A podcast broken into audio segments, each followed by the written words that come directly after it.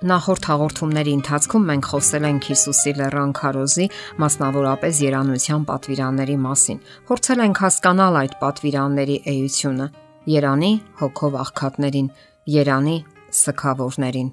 Երանի հեզերին։ Շարունակում ենք կարդալ. Երանի նրանց, որ սոված ու ծարավ են արդարության, որ նրանք կկշտանան։ Ահա երանության հաջորդ պատվիրանը։ Արդարությունը բնույթով Աստծուն նման լինելն է եւ համապատասխանությունն է Աստծո օրենքին։ Դավիթ Թագավորն ասում է. Քո բոլոր պատվիրանները արդարություն են, իսկ Պողոս Առաքյալը ավելի է parzabանում այդ միտքը։ Օրենքի լրումը սերն է։ Այո, արդարությունը նաև սեր է, որովհետև սերը Աստծո լույսն է ու կյանքը։ Աստծո արդարությունը մարմնավորված է Քրիստոսում։ Մենք ստանում ենք արդարությունը ընդունելով Քրիստոսին։ Արդարությունը ձեռք չի բերվում ոչ դաժան պայքարով կամ հոգնեցուցիչ ծանր աշխատանքով, ոչ էլ ընծայով կամ զոհաբերությամբ։ Այն տրվում է ձրի բոլորին, ովքեր փափագում են ստանալ Աստվածային արդարությունը։ Աստվածաշունչը հորդորում է.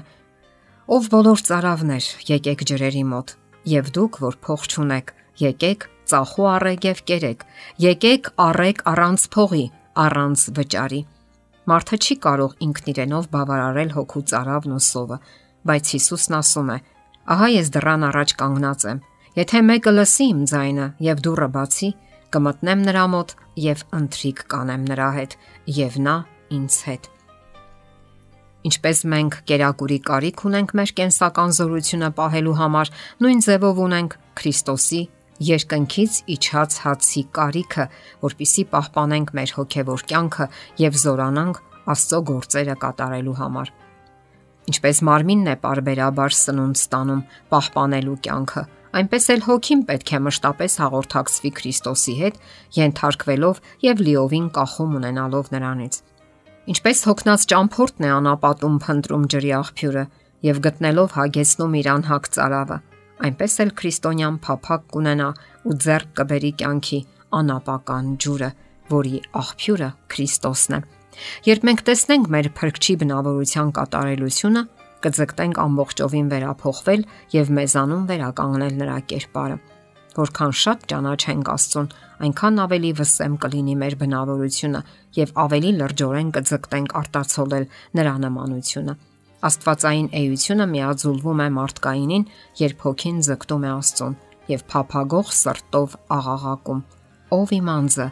մենակ լուր մտիկ դուր Աստծուն, որովհետեւ նրանից է իմ հույսը։ Եթե դուք սոված ու ծարավ եք արդարության, դա վկայում է այն աշխատանքի մասին, որ կատարել է Քրիստոսը ձեր սրտերում որpիսի փնտրեք նրան եւ Սուրբ Հոգու շնորհով ինքը կարողանա կատարել ձեզ համար այն, ինչը դուք ինքներդ անկարող եք կատարել։ Մենք չպետք է ձգտենք հագեցնել մեր цаրավը ծանծաղ ու կասկածելի ջրերի աղբյուրների մոտ։ Արթարության ու սիրո հորդահոս աղբյուրը երկնքում է, որի առատ ջրերից մենք կարող ենք ձրի խմել, եթե ավելի ու ավելի վեր բարձրանանք հավատի ճանապարհում։ Աստծո խոսքերը կյանքի աղբյուր են,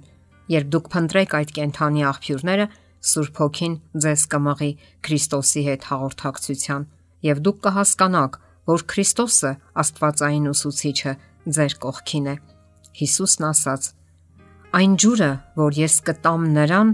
ջրի աղբյուր կլինի նրանում, որ հավիտենական կյանքի համար կբախի։ Երբ Սուրբ Հոգին բացի մեր արժև ճշմարտությունը, մենք գանձի պես կպահենք այդ թանկարժեք փորձառությունները եւ կտենչանք ուրիշներին էլ պատմել այն մխիթարական խոսքերն ու ճշմարտությունը, որ բացվել են մեզ։ Շփվելով մարդկանց հետ նրանց կպատմենք Քրիստոսի աշխատանքի բնավորության վերափոխման մասին։ Մենք նոր հայտնություններ կունենանք նրա գորովալից սիրո մասին եւ դա կփոխանցենք թե նրանց, ովքեր սիրում են Քրիստոսին, թե նրանց, ովքեր չեն սիրում տվեք եւ կտրվի, քանի որ այսպես է խոստացել Աստծո խոսքը։ Քրիստոսի սերը մեկ անգամ ճաշակած սիրտը մշտապես աղաղակում է եւ փափագում ավելի մեծ օշնությունների ու ողորմությունների։ Երբ դուք տալիս եք, ստանում եք ավելին, քան կարող եք պատկերացնել։ Աստծո յուրաքանչյուր հայտնություն ավելացնում է ճանաչելու եւ սիրելու ունակությունը։ Հիսուսին, ով խոնարեցրեց իրեն կորած մարդկությանը փրկելու համար, Սուրբ Հոգին տրվեց առանց չափի։ Այդպես Սուրբ Հոգին կտրվի Քրիստոսի ամեն հետևորդի, երբ նա իր սիրտն ամբողջությամբ նվիրաբերի, որpիսի Աստված բնակվի այնտեղ։ Մեր Տերը այսպիսի պատվեր է տվել. լցվեցեք հոգով, եւ այս պատվերը միևնույն ժամանակ խոստում է Աստծո բարի կամքն էր, որ Քրիստոսում Աստվածության բոլոր լիությունը բնակվի։ Աստված առատորեն իր սերը թափում է ինչպես տեղատարապ անձրև, որ ոռոգում է երկիրը։ Աստվածաշնչում կարդում ենք.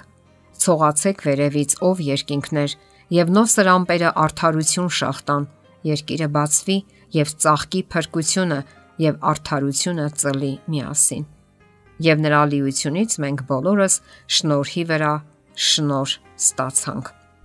Քաղաքական գործիչ Վացլավ Հավելը գրում է. Մեր կյանքն ինքնին մաքուր կտավ է։ Նա ի վերջո ցուցադրում է այն, ինչ նկարում ենք մենք նրա վրա։ Դուք կարող եք նկարել տարապանքներ, կարող եք երանություն նկարել։ Այդ ազատության մեջ է ձեր մեծությունը։ Դուք կարող եք օգտագործել այդ ազատությունն այնպես, որ այն դառնա դժողք կամ այն, ինչը կլցնի ձեր կյանքը գեղեցկությամբ, օրհնությամբ ու երանությամբ, երկնային բարիքներով։ Ամեն ինչ կախված է ձեզնից դուք լիակատար ազատություն ունեք։ Սա նշանակում է, որ դուք ունեք բոլոր հնարավորությունները ձեր կյանքի հետ վարվելու այնպես, ինչպես ցանկանում եք, սակայն Աստված այլ ծրագիր ունի ձեր հանդեպ,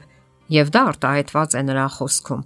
Երանի նրանց, որ սոված ու ծարավ են արդարության, որ նրանք կկշտանան։ Եթերում է ղողանջ հավերժության հաղորդաշարը։